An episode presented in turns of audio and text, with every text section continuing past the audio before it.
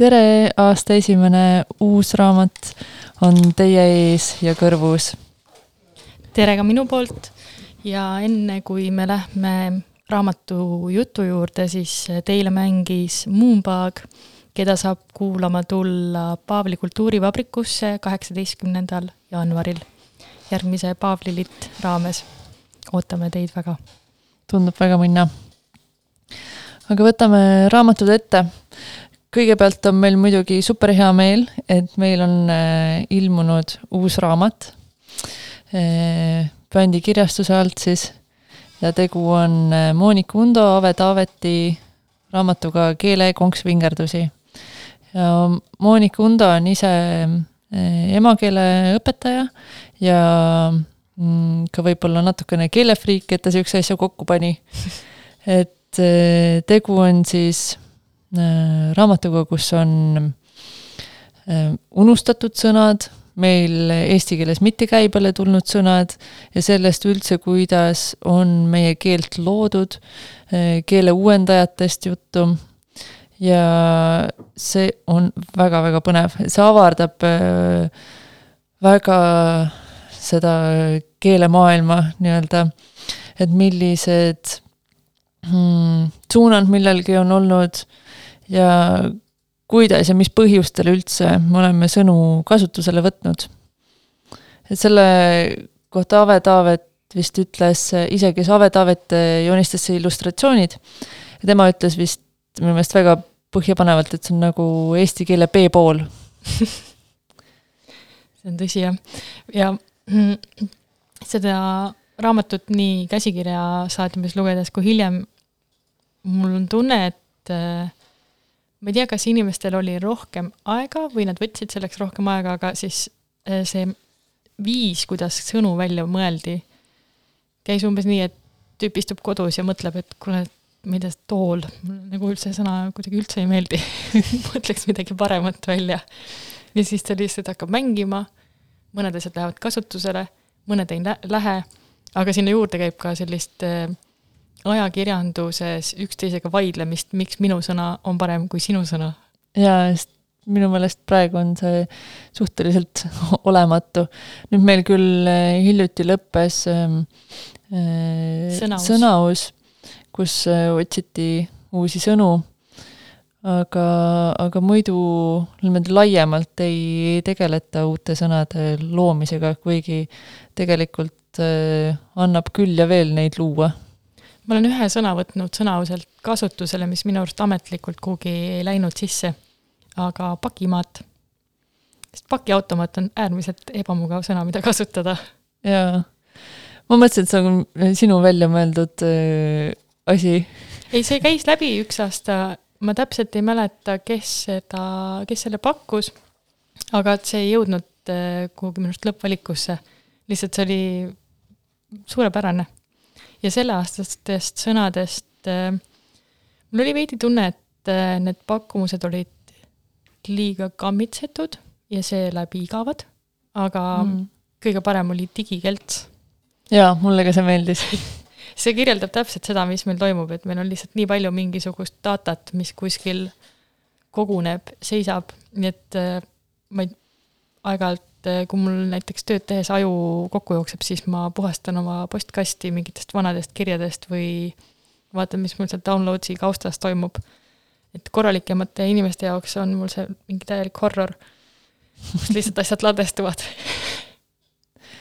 ja siis äh, jällegi ma ütlen, kui ma küll enda arvutist need ära kustutan, siis kuskil on nad ikkagi veel olemas vist jah, mulle meeldiks mõelda, et kui ma oma mailbox'ist ikkagi midagi ära kustutan, siis see kolmkümmend päeva hiljem, kui ta peaks kustuma, et siis ta ei jää kuskile keltsa ladestudes. kellel on vaja seda minu ühte meili, kus ma olen mingi, kuule, mida, mis, mis kuupäev see ikkagi oli, millal me pidime kokku saama või midagi sellist ma loeksin äh, siit raamatust ette ka paar näidet. sellist äh, lühemat. ja ma ise vist olen äh, mõndasid sõnasid siit raamatust äh, väga mm, innukalt teistele ka tutvustanud, sest need on nii ägedad. üks neist on Rebupilv. Karl Robert Jakobson on kirjutanud esimese eestikeelse põllumajanduse õpperaamatu Teadus ja seadus põllul raamatus kasutas Jakobson munavalge kohta sõna rebupilv. Friedrich Reinhold Kreutzwaldile rebupilv ei meeldinud ja kurjustas Eesti Postimehes, et miks tuttavaks saanud sõna munavalge rebupilveks oli vaja muuta. Jakobson kriitikaga ei nõustunud ja õigustas munavalge nimetamist rebupilveks muuhulgas ka väitega, et rebupilv ikka rahva suust võetud oleme jäänud munavalge juurde, kuid mööngem, et ka rebupilv kõlab väga uhkelt ja siin raamatus eh, ongi nende sõnade seletused ja väike taustalugu hästi mõnusate ampsudena kirja pandud, et ehm, sa, need kuidagi mõjuvad eh, niimoodi eh, värskelt ka ja saad, saadki täpselt ampsata neid. ja ei ole kohustust kohe järjest võtta pea, pikk peatükk ette, et saadki lugeda oma äh, Äh, kümme rida ja siis midagi teed, muud teha ja siis jälle lugeda kümme rida. ma kinkisin selle raamatu ühele toimetajale, kes äh, ei jõudnud sel hetkel süveneda, mis see on, siis ta pärast ütles mulle ka, et äh, ma ei olekski arvanud, et see selline keelefriikide maiuspala on. Nii, ma vaatan, kas ma siit kiiresti suudan mingi hea, hea asja veel võtta mulle väga meeldib lumemoos. ja selle, vaatan, see on ka siin kohe alguses olemas, ma loen selle ka ette. kevadel puhkevad õide lumeroosid, aga mis on lumemoos? vihjeks olgu öeldud, et tegemist on ühe magusroaga tuhande seitsmesaja kaheksakümne esimesel aastal ilmunud esimeses eestikeelses kokaraamatus Köki ja kokaraamat on toodud lumemoosi sulgudes siis lummemoos. retsept, sõna moos on alamsaksa laen ja algselt tähendas see igasugust puderjat toitu. nii kutsuti kartuliputru ka kartulimoosiks. aga lumemoosi puhul on tegemist hoopis vahukoorega. et kui, kui sa peaksid mingi magustoidu panema menüüsse ja paned, et see on kook lumemoosiga. kõlab ülihästi. väga hästi kõlab minu arust.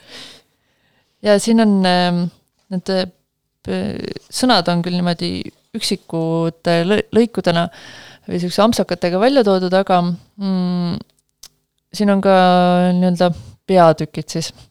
ja esimene peatükk ongi just äh, lumemoosist Wurzwasserini ehk siis äh, toiduained ja söömisega seotud teemad. siis on meil maast ja ilmast siis on Mõlgendada on mõnus, oleme sõnaloomeusku, kus siis äh, räägitakse neist inimestest, kes meie sõnu on äh, siis uuendanud ja loonud.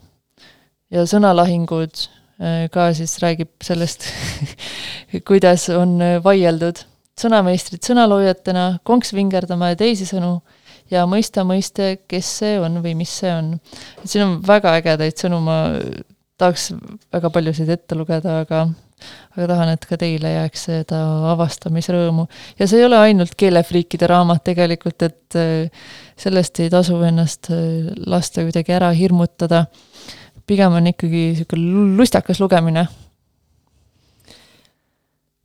loeksin ette Urmas Vadi eh, tükikese, mis ta kaanele kirjutas, et ma, kui iga kord, kui ma selle peale satun, siis ma mõtlen sellele tema häälega ja see lõpeb alati sellise mõnusa platsuga Urmas Vadi kirjutab kaanel nii.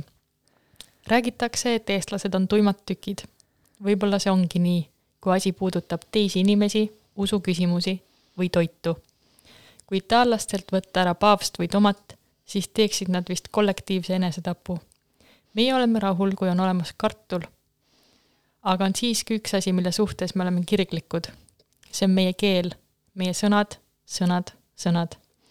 selle ilmekaks tõestuseks ongi see raamat, mis kinnitab veel kord, et me oleme keelehullud ja mille lugemine paneb lausa pea ringi käima. ja samas ka veidi hirmutab, et mismoodi me elaks ja oleks, kui me peaks kreibi asemel ütlema jõmmelgas. Et iga kord ma loen seda jõmmelgast nüüd äh, Madi häälega, pole midagi teha. Aga äh, siis, kui me nüüd liigume edasi mõne teise keelemeistri juurde, äh, esimesel jaanuaril oleks kaheksakümne aastaseks saanud Mati Unt, paljude suur lemmik ähm, kirjamees ja ka lavastaja. ja Loomingu Raamatukogu kuldsarjast tuligi kohe aasta alguses välja tema kaks lühikest romaani ühtede kaante vahel, Via Regia ja Elu võimalikkusest kosmoses. ja see on iseenesest huvitav, et ma saan aru, et näiteks Via Regia puhul, et see, see lugu räägib teatrist ja teatri tegemisest ja kuidagi nendest suurtest isiksustest, kes seal toimetavad ja omal ajal, kui see raamat ilmus, siis ta oli suur skandaal, sest kõik said aru, kellest Mati Unt kirjutab. ja ma veidi uurisin seda tausta, aga, aga minu jaoks ei hakka segama, sest et ma ei, ma ei olnud isegi sündinud sel ajal, kui see raamat ilmus, nii et minu jaoks need isiksused, kes siis nagu peaksid olema needsamad isiksused siin raamatus, nemad jäävad mu jaoks kaugeks.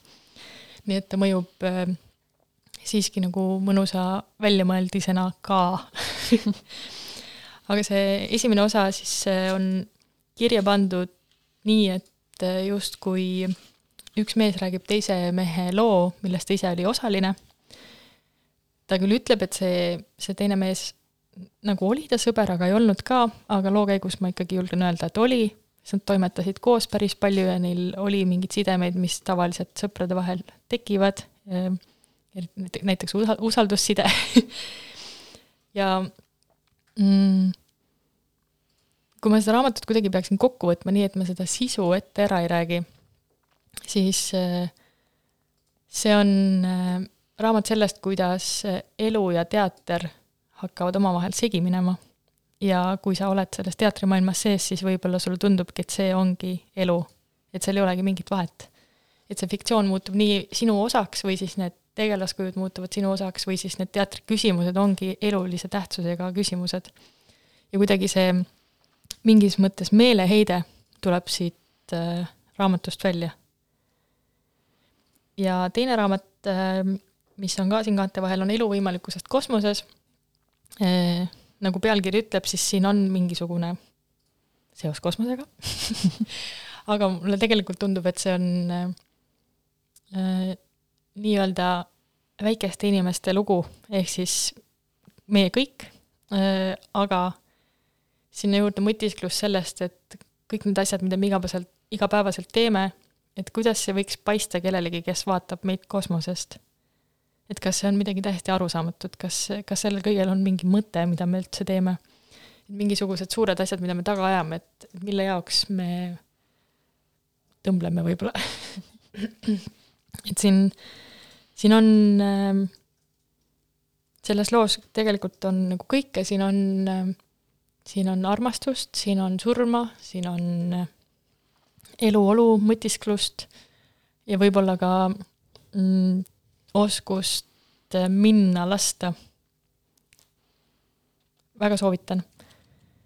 ja veel ei ole kindel, aga äh, mingi hetk jaanuari lõpus või veebruari alguses toimub ka selle raamatu esitlus hundimuuseumis, mida ma ise lähen kindlasti kuulama ja võib-olla ka korraldan. Aga ma soovitaksin seda ka siis, kui ma sellega seotud ei oleks. see äh, mind tihti, võib-olla mitte nii tihti, aga vahepeal äh, kummitab ennastki see mõte, et kui tulnukad tuleksid, mida siis nad kõigest sellest siin arvaksid. Ja ma arvan, nad ei arvaks hästi ja mm, isegi see ütlus, et, et kui sa millegipärast pabistad, et kas see on ka aasta pärast oluline, siis juba see tekitab niisuguse väikese nihke, et isegi meie enda jaoks ei ole need asjad olulised, mille pärast me põeme ja rapsime ringi. et siis mida veel need teised üldsegist äh, mõtleksid ja aru saaksid. jah, kohati isegi on nagu mõne päeva küsimus, et äh, mul on harjumus äh, mitte igapäevaselt, aga ikkagi regulaarselt kirjutada, et mingid asjad oma peast põhimõtteliselt välja tõsta ja aru saada, kas, kas need on nii, ma ei tea mm,, traagilised kohe vahepeal isegi. et lihtsalt mingid asjad, mis tohutult häirivad ja kui sa kirjutad nad üles, siis nad muutuvad täiesti tühiseks. või kuidagi see, see asi, mis sind nende puhul häirib nii tohutult, muutub kirjasõnas täiesti isegi labaseks. jah mm -hmm. ja naeruväärseks, et siis see, või siis ka see, et kui on mingi tugev emotsioon ja sa ei kohe ei jõua kirjutada, aga paar päeva hiljem mõtled, et sa tahaksid sellest kirjutada, siis see emotsioon on niimoodi lahtunud, et sa enam võib-olla ei saa aru, miks sa peaksid mm. -hmm et aasta pärast ma ei teagi kas mille, midagi sellest alles jääb. jah, kõik on nii muutuv ja kaduv. aga raamatu kohta küsin veel, et eh, kas, eh, kas Hunt andis ka mingeid vastuseid, et kuidas meid siis vaadatakse? mitte otseselt, selles suhtes on eh, Hunt tegeleb läbi oma loomingu selliste teemadega nagu võõristus ja kuidagi see, et kuidas me üldse mütoli-, mütologiseerime argipäeva. et ta ei anna vastuseid, aga ta, ta esitab võib-olla selliseid tabavaid küsimusi, et sa iseendale vastaksid läbi nende mm. -hmm. Ja selle esimese raamatu osa puhul ka, kus on teatri ja elu segunemisest, siis ma väga tihti mõtlen, kuidas näitlejad Äh, suudavad nii mitmete karakteritega koos elada samal ajal, see, et äh, sa võib-olla sa ei tee ühte tükki korraga, sa teed ühte teatrietendust, oled kuskil sarjas ja siis veel ise ja sa pead neid tegelasi endaga kogu aeg hoidma. see tundub väga keeruline ja kuidagi vaim, vaimselt selline mm, koormav. jah mm -hmm mul tuli sind kuulates meelde, et äh, ma olen hiljaaegu veel lugenud ühte sellist teksti, mis tuleb äh, märtsikuus välja ka Loomingu Raamatukogu kuldsarjas, on äh, Spioon armastuse majas, kus see peategelane mm, mängib sellise mõttega, et ta on spioon armastuse majas, ehk siis ta käib mööda, mitte isegi ainult mööda linna, vaid mööda erinevaid asukohti, mis ei ole ka võib-olla samas riigis ja tal on seal erinevad armukesed, sest et tal on tunne, et siis ta elab välja mingisugust, äh, mingit rolli, mis, mida ta muidu ei suudaks omaks võtta, aga ta ta-, ta tahab, et tal oleks mingisugune kindel äh, koht, kuhu pöör-, tagasi pöörduda.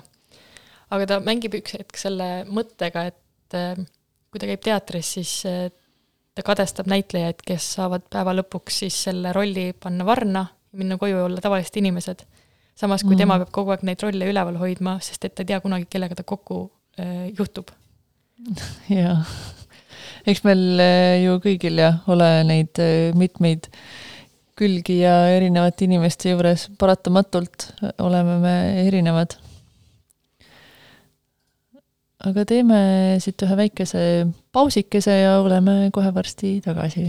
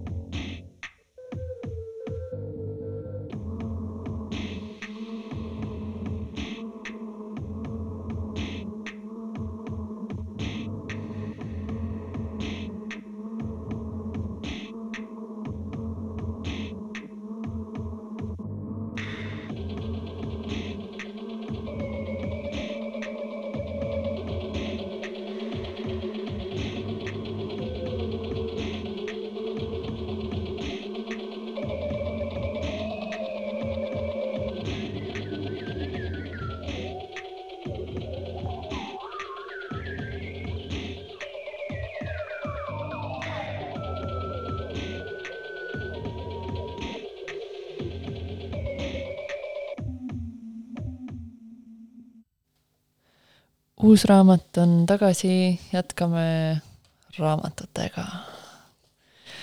ja ma räägin äh, teile natukene äh, Niina Lükke raamatust Ega me siin lõbu pärast ole.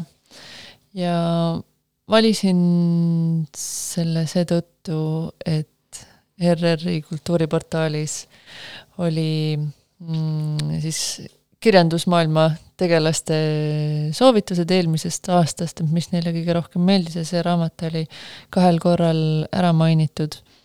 ja mõtlesin, et, et annan, annan võimaluse. Niina Lüke on äh, Norra siis tänapäeva kirjanik ja mul on tunne, et ma viimasel ajal tulen siia Skandinaavia kirjanikest rääkima ja, ja sina räägid äh, Loomingu Raamatukogu raamatutest ja me nagu astume mõlemad äh, oma rajas. kindlat sammu.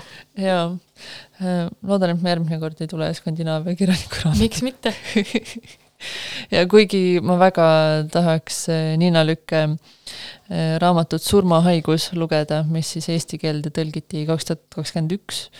et see, see pidavat olema päris hea asi. aga nüüd siis äh, sellest, mis minu käes praegu on, ega me siin lõbu pärast ole. see on lugu Knutist, kes on peategelane.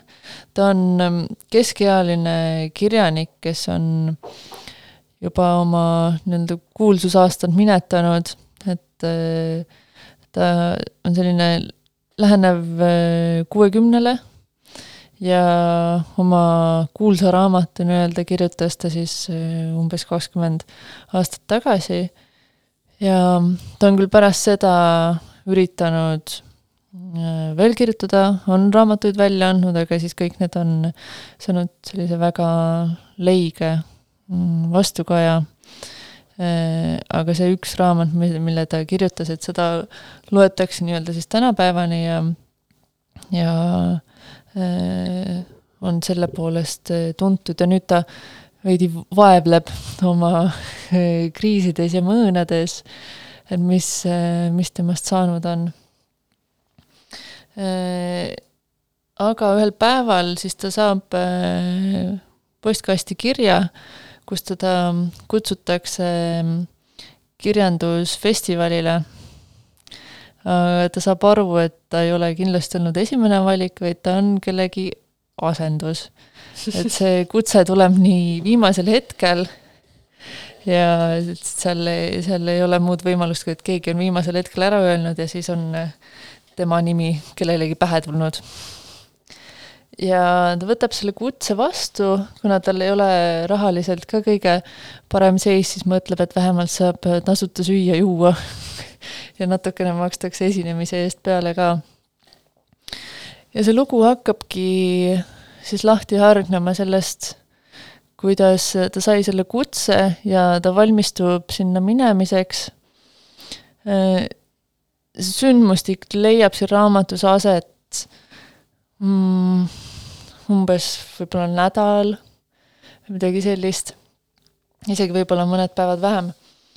aga sinna sisse on äh, põigitud hästi palju erinevaid teemasid, sellest, kuidas ähm, Knutil on äh, naaber, kes on ta sõber, kes ähm, on gei ja kellel on äh, armusuhe ühe abielu mehega selline kõrvalliini pidi jookseb ähm, nende suhte nii-öelda draama ja kuidas Knut on ka sinna äh, sisse segatud, selle, sellega, et on äh, äh, tema naaber ja sõber.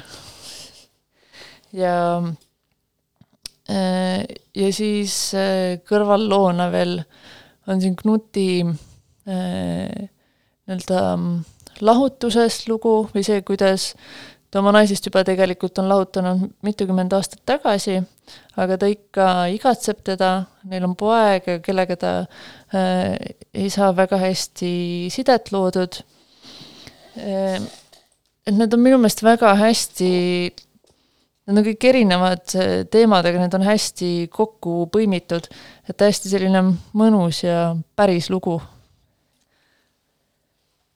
Ja Äh, aga põhiaction tuleb ikkagi sellest, kui Knut läheb, läheb sinna kirjandusfestivalile ja temaga koos peab või noh, kelle, ta on laval koos ähm, nii-öelda tõsielukirjanikuga, see on siis tema nii-öelda suure tähega tõsielukirjanik, kes on äh, kirjutanud Knutist äh, kui tema ahistajast.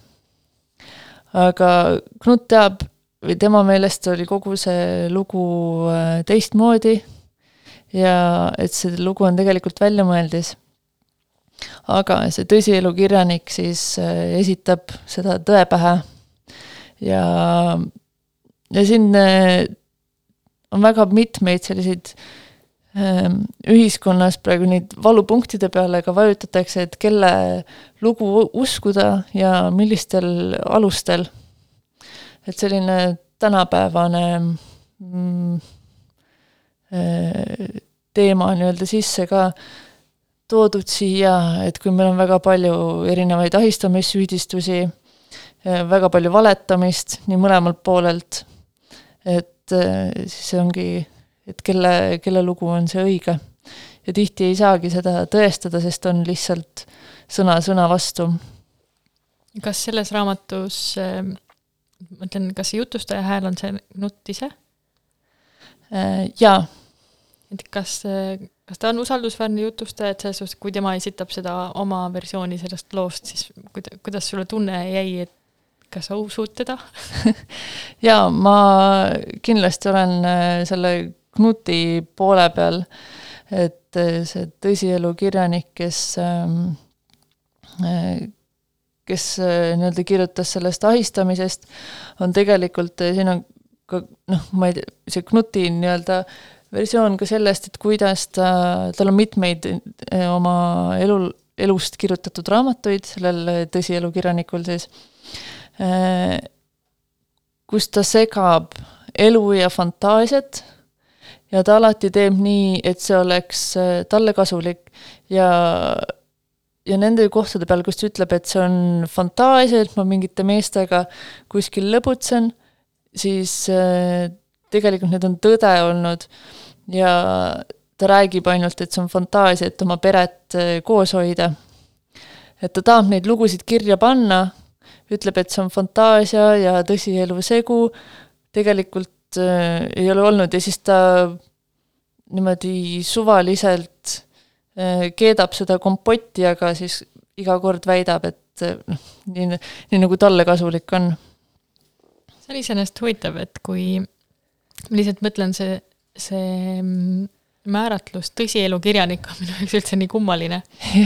et kui sa tahad panna kokku, no ma räägin fiktiivsest tegelasest tegelikult aga kui sa tahad panna kokku fantaasiat ja, ja olnud sündmusi, siis miks mitte lihtsalt olla kirjanik, selles suhtes yeah., miks sa võtad nagu miks selle kuulutada? määratluse mm -hmm. sinna juurde, et milline kirjanik sa oled.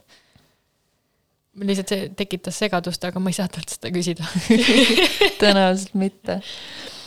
ja Knut on tegelikult äh, äh, mitmetes oma küsimustes ja mõtisklustes ähm, äh, nii-öelda tänapäevaste aktuaalsete teemade võib-olla vastu siis. Äh, ka, et ta ei saa aru, miks äh, kirjandusfestivalile on näiteks äh, mm, kutsutud rääkima, vist oli Keeniast, oli mingi mees, kes rääk-, kes luges oma luulet ja keegi ei saanud sellest mitte midagi aru, sest et ta rääkis seda keenia keeles. ja ja siis inimesed lihtsalt on seal publikus, vahivad oma telefoni, keegi millestki aru ei saa, aga see on justkui asi, mida tehakse, et, et nüüd me oleme hästi kaasavad ja me paneme inimesi lavale, aga tegelikult kedagi ei huvita see. ja seal oli mm, mitmeid selliseid näiteid, et tegelikult ta, äh, see Niina Lükke on just selle äh, Norra äh, nii-öelda kirjanduselu ja kultuuriseltskonna pihta kriitiline siin raamatus, et, et see liigne,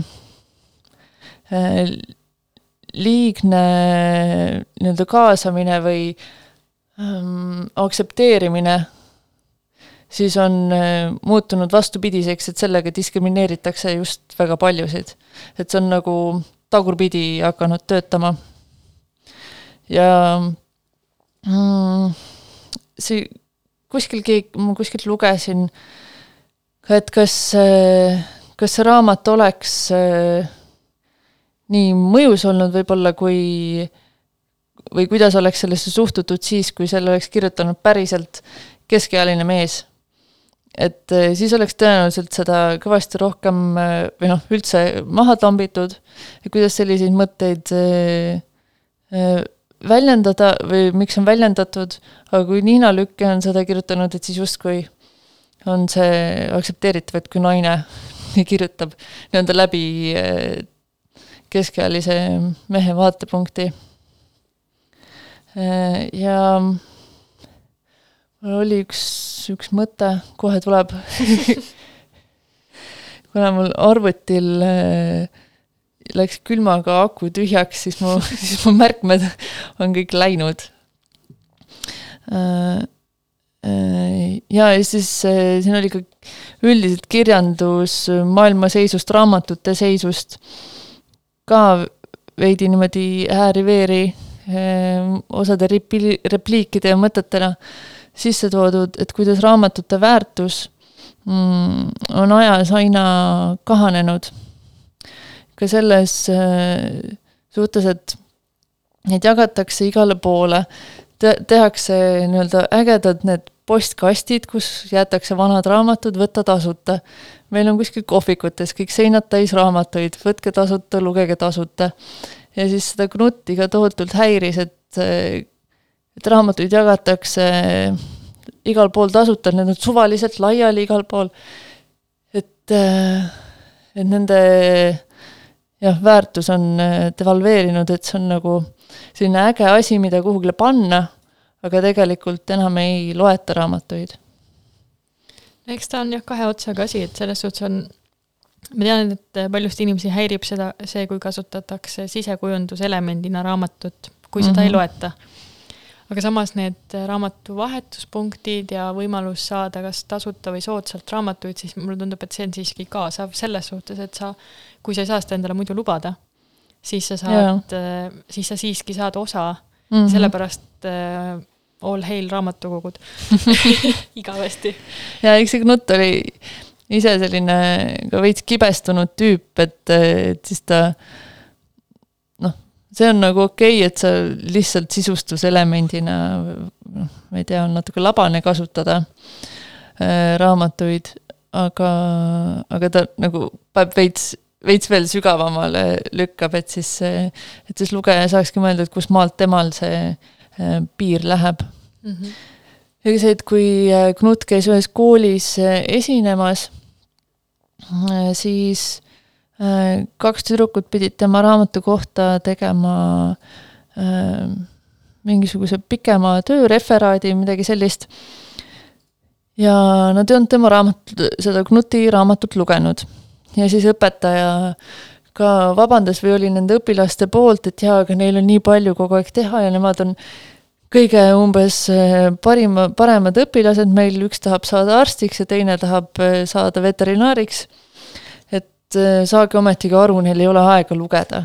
et siis äh, see näitab ka veidi sellist õpetajate mm, mõtlemist, et, et see on justkui madalamal, et seda ei peaks tegema, et raamatu luge-, luge-, lugemine ei ole nii tähtis kui mingi teine õppeaine.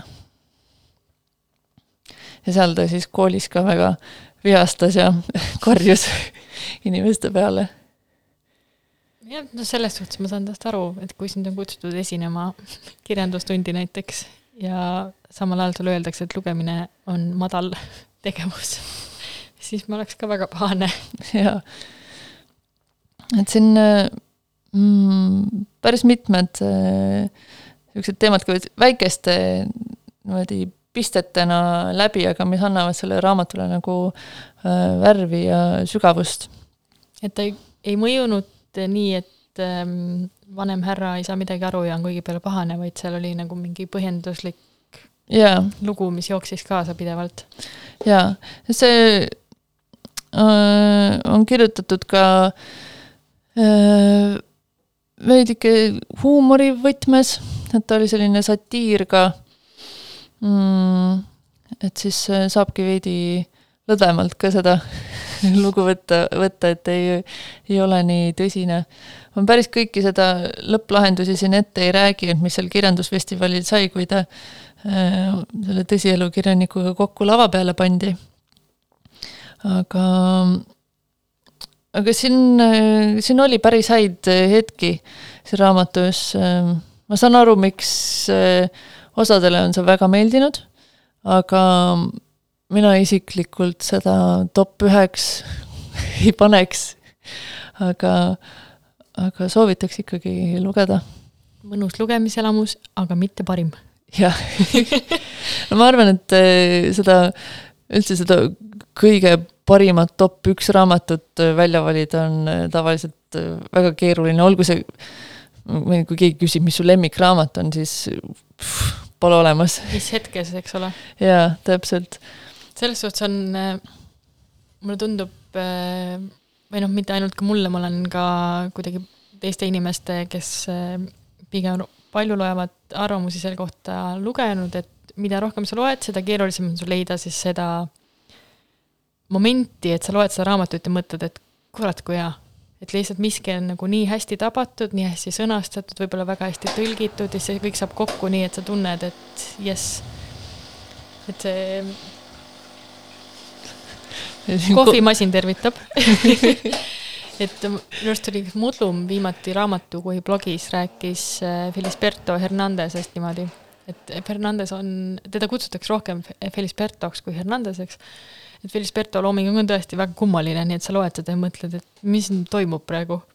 aga siis see mm, -hmm. see mudib kuidagi aju nii mõnusalt, et sa, sa ei saa aru, aga sa tahad aru saada, aga sa võib-olla ei tahagi aru saada ja eks see parima valimine, et ma kirjutasin sinna ülevaatesse Tuve Titlevsenist, sest ma tundsin, et kui ma vaatasin tagasi olnud aastale, mida ma olen lugenud, siis see oli selline raamat, mis iga, kas iga leht või iga teine leht lihtsalt nagu tõesti pani nagu sõna mõnust võdisema, sest midagi on nii tabavalt ja hästi öeldud ja võib-olla väga valusalt torgatud.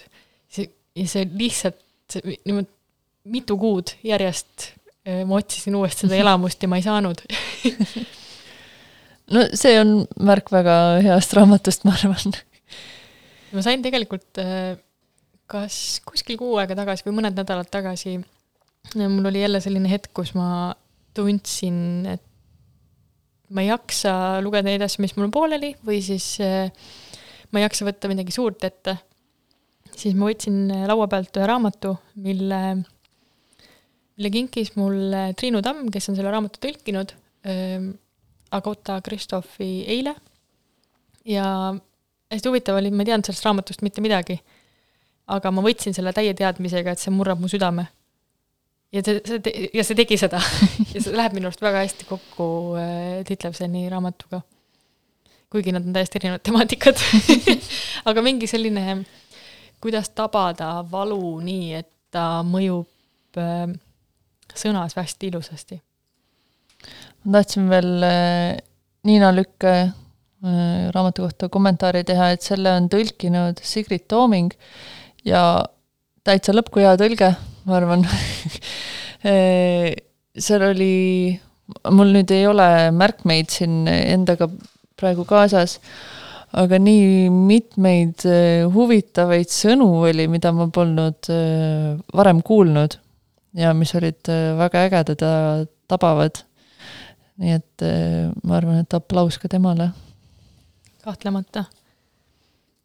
mul korraks oli see tunne, et kas ta tund-, kas ta võis tõlkida ka selle, millest mina mõtlesin, aga ei aga eh, kui sul korraks tuli juttu kirjandusfestivalidest ja ähm, lugemisest keeles, mida publik ei mõista, siis ma lugesin eile õhtul äh, Mari, või issand juba, Mari-Liis Müürsepa äh, luulekogu Strippari pisarad ja ta esindas Eestit äh, eelmisel aastal ülemaailmsel luuleslämmil. ja ma küsisin selle kohta Joonas Veelmalt, kes meid läheb nüüd esindama, et kuidas seal kohapeal see käib, et mis keeles sa loed esiteks, sest näiteks Joonase puändid on väga tugevalt ehitatud üles keeleliselt, eesti keeles, et kuidas, kuidas sa saad seda teha siis rahvusvahelise publiku ees ja seal on see lahendatud nii, et üldjuhul loevad luuletajad oma emakeeles või selles keeles, milles nad kirjutavad ja tõlge jookseb siis selja taga samal ajal. et lihtsalt ma mõtlesin, et kui mm, -hmm. et tegelikult, kui sa ikkagi loed selles keeles, milles sa kirjutad, siis see mõjub tugevamalt ja see, ja kuidagi, kui sa oled ka hea lugeja, siis see emotsioon tuleb esile isegi siis, kui sa mitte midagi aru ei saa jaa, võib-olla äh, huvitav, kuidas seal luuleslämmil need tõlked tehtud on, et kes neid äh, kontrollib ja vaatab, et see oleks sama, sama hea kui originaal? no ma kahtlustan, et sa pead ikkagi ise selle tõlkega tulema mm., sest et seal kohapeal eelmine aasta, kui ma ei eksi, toimus see Itaalias, ehk siis koha pealt leida neid inimesi, kes kõigis nendes keeltes suudaks tõlkida, et see ei ole võimalik. et siis pigem sa pead ise vastutama selle eest enda ma ei tea, kas, kas ise tegema või oma siis nagu Eesti-poolse tiimiga, kes seda kor-, kes sinu minekut sinna korraldab, et see tõlge saaks ähm, hea mm. -hmm. mitte lihtsalt nagu ok, teeme ära vaid lihtsalt nii, et sa ikkagi, sa lähed võistlema, sa lähed esindama, sa pead äh, panema panuse ka sellele, et see tõlge oleks selline, et annaks edasi seda vaimsust, ta ei pea olema sõna-sõnalt, sest et see ei toimi mitte kunagi mm -hmm. sellisel kujul. aga äh, kuna juba Mari-Liisi mainisin, siis ma võtsin ta raamatuga kaasa. Ehm, üks nendest raamatutest, mis mu silme eest on väga palju läbi käinud, aga ma ei ole millegipärast lugenud. ja kui ta nüüd augustis esines eh, Pavli Litil, siis ma ostsin selle raamatust, minu arust eh, parim viis midagi tahta omada on see, et kui sa vaatad autorit esinemas ja mõtled, et nii hea, ja Mari-Liis on väga hea esineja. Mm,. ma võtaksin selle kogumiku kokku väga lühidalt, et ta räägib äh, suures osas naiseks olemisest, erinevad aspektid, mis seda siis äh, ümbritsevad, kuidas on kohtingul käia naisena, kuidas on elada naisena, kuidas on õue min- või uksest välja minna nii, et su silmad ei ole värvitud ja mida see endaga kaasa toob. siin, äh, siin on päris palju kriitikat aga ma mõtlesin, et ma loen ühe teksti ette, mis minu arust annab aimu, mis siit kogust võiks oodata. tekst on nimetu ja see kõlab nii. ma olen naine ja ikka veel pannakse mind uskuma. Kaotan sellepärast, et olen loll. võidan sellepärast, et olen ilus mälumängus, kirjandusvõistlusel, tööintervjuul. kohtudes mehega tuleb olla atraktiivne, tark, elegantne kloun edukas, kombekas, võrgutav, saatuslik, saatanlik nümf. doktoritöö sukapaela vahel. muidugi tuleb enne valida koht, kus mind oleks võimalikult raske võtta vägisi ja ometi olla selleks valmis, strippari kleidi all vooruse vöö. ideaalne naine peab väljendama initsiatiivi, olema huvitatud ja huvitav, juhtima kaaslast nii vestlustes kui ka läbi elu eesmärkide poole. ikka edasi inspireerima, motiveerima, korrigeerima, pipragaas kõvasti peos. selline tekst. ja ma sellest kogust rohkem ei räägigi, sest äh, minu, mul puudub võimekus analüüsida luulet nii, nagu luules ta vääriks ja ma arvan, et ma selle lühida äh, kokkuvõttega midagi juba tabasin. Äh, lugege luulet aga kuna meil saateaeg hakkab tasapisi lõpupoole jõudma, siis ma tahaksin sult küsida midagi. küsi. miks äh, sa jätad raamatu lugemise pooleli või mis kui tihti sa jätad raamatu lugemise pooleli ja mis, mis see nagu protsess on, kas see käib loomulikult või sa mõtled selle üle või mi-, kuidas see, kuidas see käib? ma arvan, et äh, päris ühest vastust ei ole, põhjuseid on äh, erinevaid. Aga lihtsalt võib olla nii, et on äh, aeg ja koht on vale selle raamatu jaoks ja seda on kuidagi keeruline rohkem sügavamalt eh, võtta, et see oleneb, eh, millised teemad enda jaoks hetkel aktuaalsed on, milline su sisekosmos vastavalt päevale on. mõni, osad teemad lihtsalt ei haaku ja võtad raamatu võib-olla ette aasta pärast ja siis on väga hea, kõik klapib aga ei pruugi, et eh, võib-olla kui on, kui ükskord pooleli jäänud, siis ei olegi tahtmist enam rohkem eh, ette võtta. Ja eks mõnikord jääb pooleli ka lihtsalt sellepärast, et ei meeldi, on igav. Et ei, ei paku seda, mida tahaks, mida tahaks saada. Ja mm, mõnikord on ka nii, et eh, lihtsalt ei, ei jaksa mõnda raamatut enam edasi lugeda või kuidagi juba poole peal ammendab ära ennast, saab aru, mis siin tahetakse öelda ja tundub, et see edasilugemine ei anna enam midagi juurde. kuigi sa ei tea, mis seal edasi juhtub, aga see tunne, et, et juba nüüd on vist kõik sellega. see on jah, kohati sellistel hetkedel lased lõpuni, sest et FOMO on, et sa mõtled, et võib-olla midagi ikkagi nagu tuleb veel. et see, et miks halvalt etenduselt mitte ära minna poole pealt äh, halvalt etenduselt on kindlasti raskem ära minna, kui eh, halba raamatut pooleli jätta. Eh, minu puhul vähemalt. see on võimalik jah.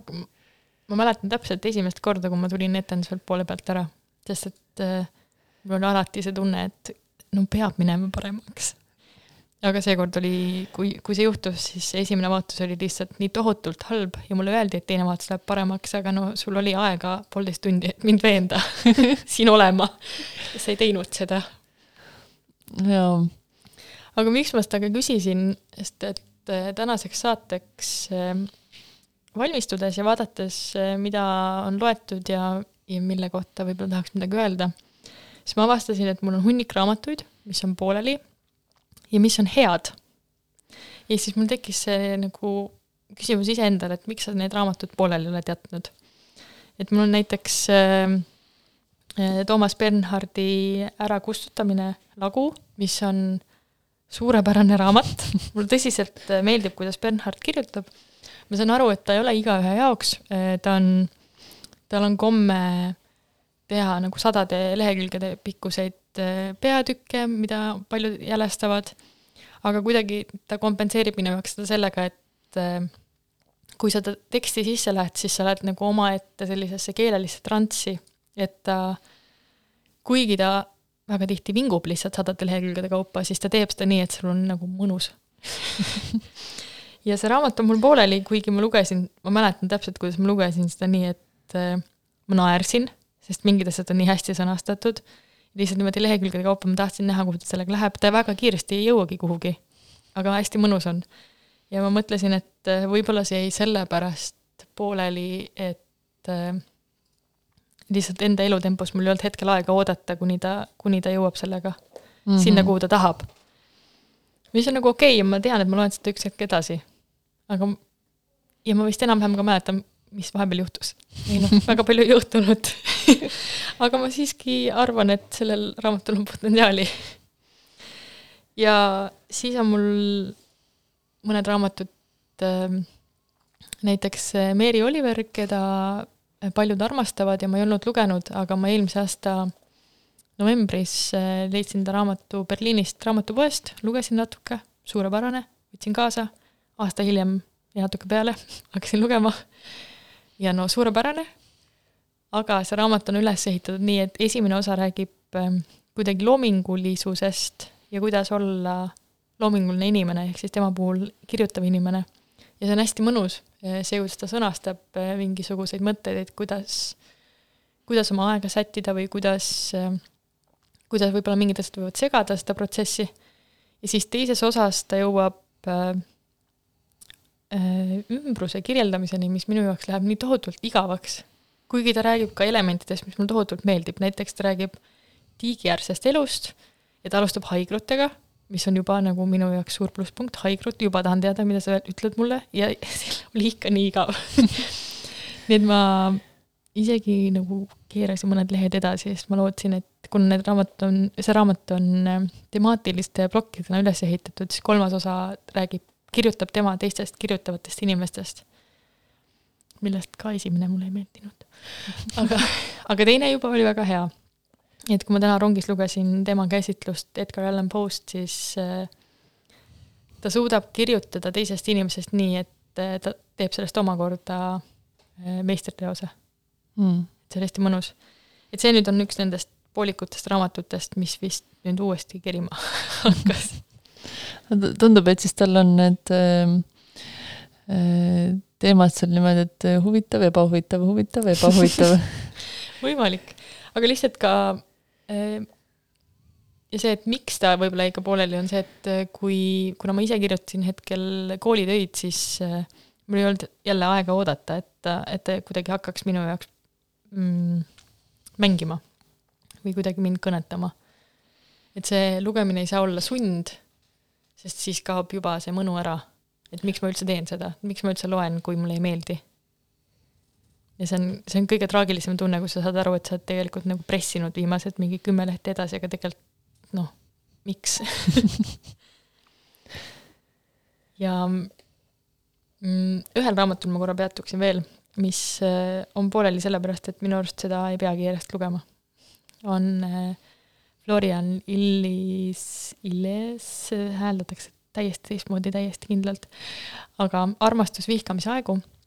Ja ta räägib äh, kahekümnenda sajandi ähm, kahekümnendatest, äh, kolmekümnendatest, kuidas siis praeguseks kuulsad inimesed või siis ka inimesed, kes nende lähikonnas olid ja sel hetkel võib-olla olid ka siis figureerivad erinevatel loomingulistel aladel näiteks.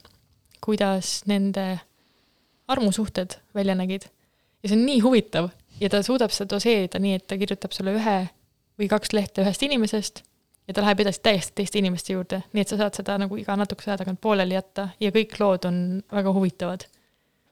see on äh, äh, nagu siis äh, hästi vormistatud äh, kroonika, kus saad äh, kõmu, kõmu sada protsenti. aga kuidagi ähm, kirjastaja jagas mingisuguseid nupukesi enda sotsiaalmeediakontol. Ja nii, et see raamat tuli välja ja ma tahtsin seda lugeda. ma juba ette teadsin, et see saab olema lihtsalt nii maru mõnus mm.. mul nüüd äh, tagantjärele, kohe saab saade otsa veel, ma veel tahtsin korraks Niina Lükke kohta äh, öelda, et äh, siin oli üks raamatus üks mõte veel välja toodud kuidas ähm, heidetakse ette keskealistele valgetele meestele, et miks nad kirjutavad oma elust kui ja oma hädadest keskealise valge mehena, et aeg on juba ümber saanud ja samas, kui see aut-, see Knut peategelane üritas ka kirjutada teisi lugusid, mille toimetaja tagasi saatis, siis äh, vastusega, et keskealine valge mees ei tohi kirjutada teistest äh, mm, kultuuridest ja äh, kommetest, sugudest, sest et ta ei saa aru.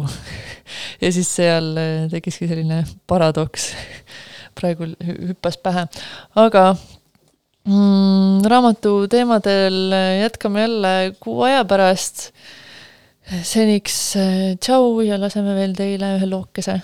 tšau.